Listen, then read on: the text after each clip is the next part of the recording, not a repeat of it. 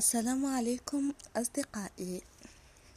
أنا لم أقم بالتسجيل البارحة بسبب أنني كنت أعاني من انسداد في الأنف وما زلت أعاني منه. لذلك قد يزعج بعضكم الاستماع إلى تسجيل اليوم.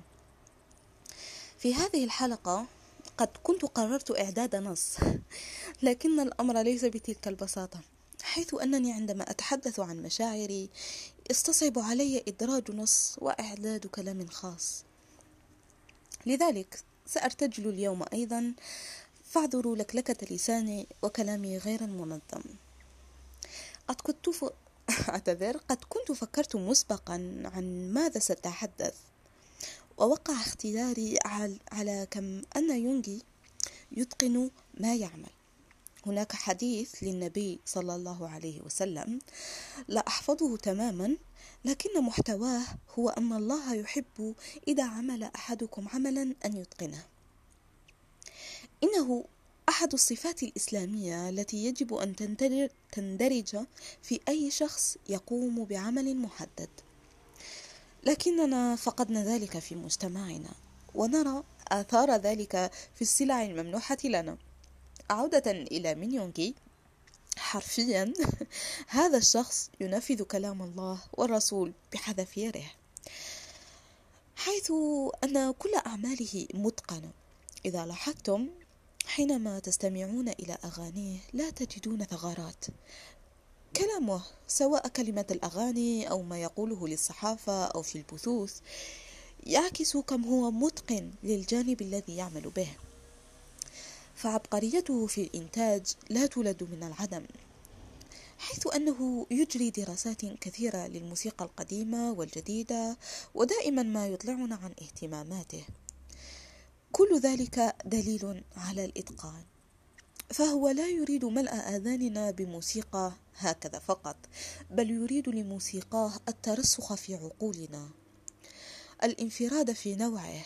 لذلك أصدقائي إذا لاحظتم أيضا أتمنى أن تكونوا دقيقي الملاحظة بما يتعلق ببانكتان كما كنت أقول إذا لاحظتم أن أغاني يونغي تحديدا تحتوي على نوع خاص من الموسيقى حيث أنها أولا لا تشبه سابقتها وثانيا تصرخ أنا أنتجني يونغي كل ذلك بسبب أنه يتقن ما يعمل. الأمر كذلك بالنسبة للفريق كله. لكنني أردت أن أخص يونغي في هذه الحلقة. يسعدني انضمامكم إلي أصدقائي وإعطاء تسجيل وقتكم وإنصاتكم. أتمنى أن تبقوا بصحة جيدة وأن تنشروا الحب أينما مضيتم. كانت معكم سيليا من قناة بودكاست هيذر تتحدث. السلام عليكم أصدقائي. يسعدني انضمامكم إلي مجددا. أولا أريد التقدم بشكر جزيل إلى الأشخاص الذين استمعوا إلي والذين دعموني وشجعوني. أنا ممتنة لكم بشدة. حسنا لنبدأ اليوم في موضوعنا. كما قرأتم في العنوان من ديغو إلى سول أنا اليوم سأتحدث عن كيف انتقل يونغي من ديغو إلى سول. أولا أريدكم جميعا أن تنظروا إلى يونغي حاليا إلى شوغا. ارسموا شكله في مخيلتكم. إنه رابر منتج مؤلف راقص عضو في أشهر فرقة في العالم. لديه منازل فاخرة لديه سيارة كبيرة. ولديه black card سيداتي إنه بالمختصر شخص ناجح في سن صغير. يونغي الذي يبلغ من العمر 28 سنة أو بعد بضعة أيام سيبلغ الثامنة والعشرين سنة تماما. فنان فريد من نوعه نجم ساطع. لكن ذلك النجم أعزائي لديه خلفية. خلفية قد تدمع الأعين عند سردها. كمقدمة بسيطة أريد التحدث عن كيف أن يونغي شكل حلمه في إنتاج وصناعة الأغاني. عودة عندما كان يونغي في الصف السادس قد استمع إلى فرقة إيبك هاي في تلك اللحظة قرر أن يصبح مثلهم. مثل أي طفل صغير يتشكل حلمه من الأشياء التي تجعله مبهورا. كبطل فيلم أو شخصيته المفضلة في الرسوم المتحركة وإلى غير ذلك. يونغي قد اقتدى بإيبك هاي وغيرهم من الفنانين. في سن جد مبكرة قد بدأ بإنتاج الأغاني. كان عمره حوالي ثلاثة عشر سنة. في حين كانت عائلته تعاني من ضيق المصروف وصعوبة دفع الفواتير اتجه يونغي وأخوه الأكبر إلى العمل في سن مبكرة. طبعا ذلك بجانب الدراسة. اعتمد يونغي على بيع الأغاني في الشوارع بقيمة دولارين فقط. وللأسف في كثير من المرات قد تم خداعه والتلاعب معه. أيضا في ذلك الوقت قد تعلم العمل على جهاز الأم آي دي آي. هو نوع من الآلات التي تنتج الموسيقى. أعتقد أن اسمه هكذا. أعتذر. آه في سن الثالثة عشر نعم يونغي قد تعلم العمل عليها.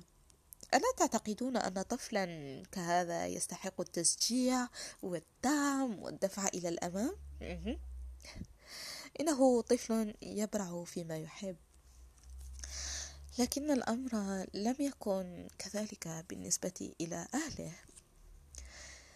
ففور ما علموا بذلك قاموا برمي وحرق كل تلك الأغاني التي عمل عليها وأجبروه على الاستمرار في الدراسة مخلفين ندبة في قلب ذلك الطفل. يونغي فعلا استمر في دراسته رغم أنه كان متفوقا إلا أن تركيز أبويه قد كان على أخوه الأكبر. ذلك جعل يونغي يمر ببعض من الحالات النفسية المستعصية. طفل حرم من الدعم تماما. إنه اليوم أكبر فنان في العالم. لكن قبل ذلك كيف انتقل هذا الطفل إلى يونغي أو شوغا الذي نعرفه الآن؟ رغم رفض أهله ما يفعله لكنه كان عنيدا مثابرا حالما. استمر بالمجال الذي يحبه بالموسيقى. لقد استمر بسرية تامة وانضم في سن مراهقته إلى أحد الفرق التحتية في مدينته كانت تدعى D-Town أي Daegu Town لقد عمل معهم كرابر وكتب أغاني وإلى غير ذلك.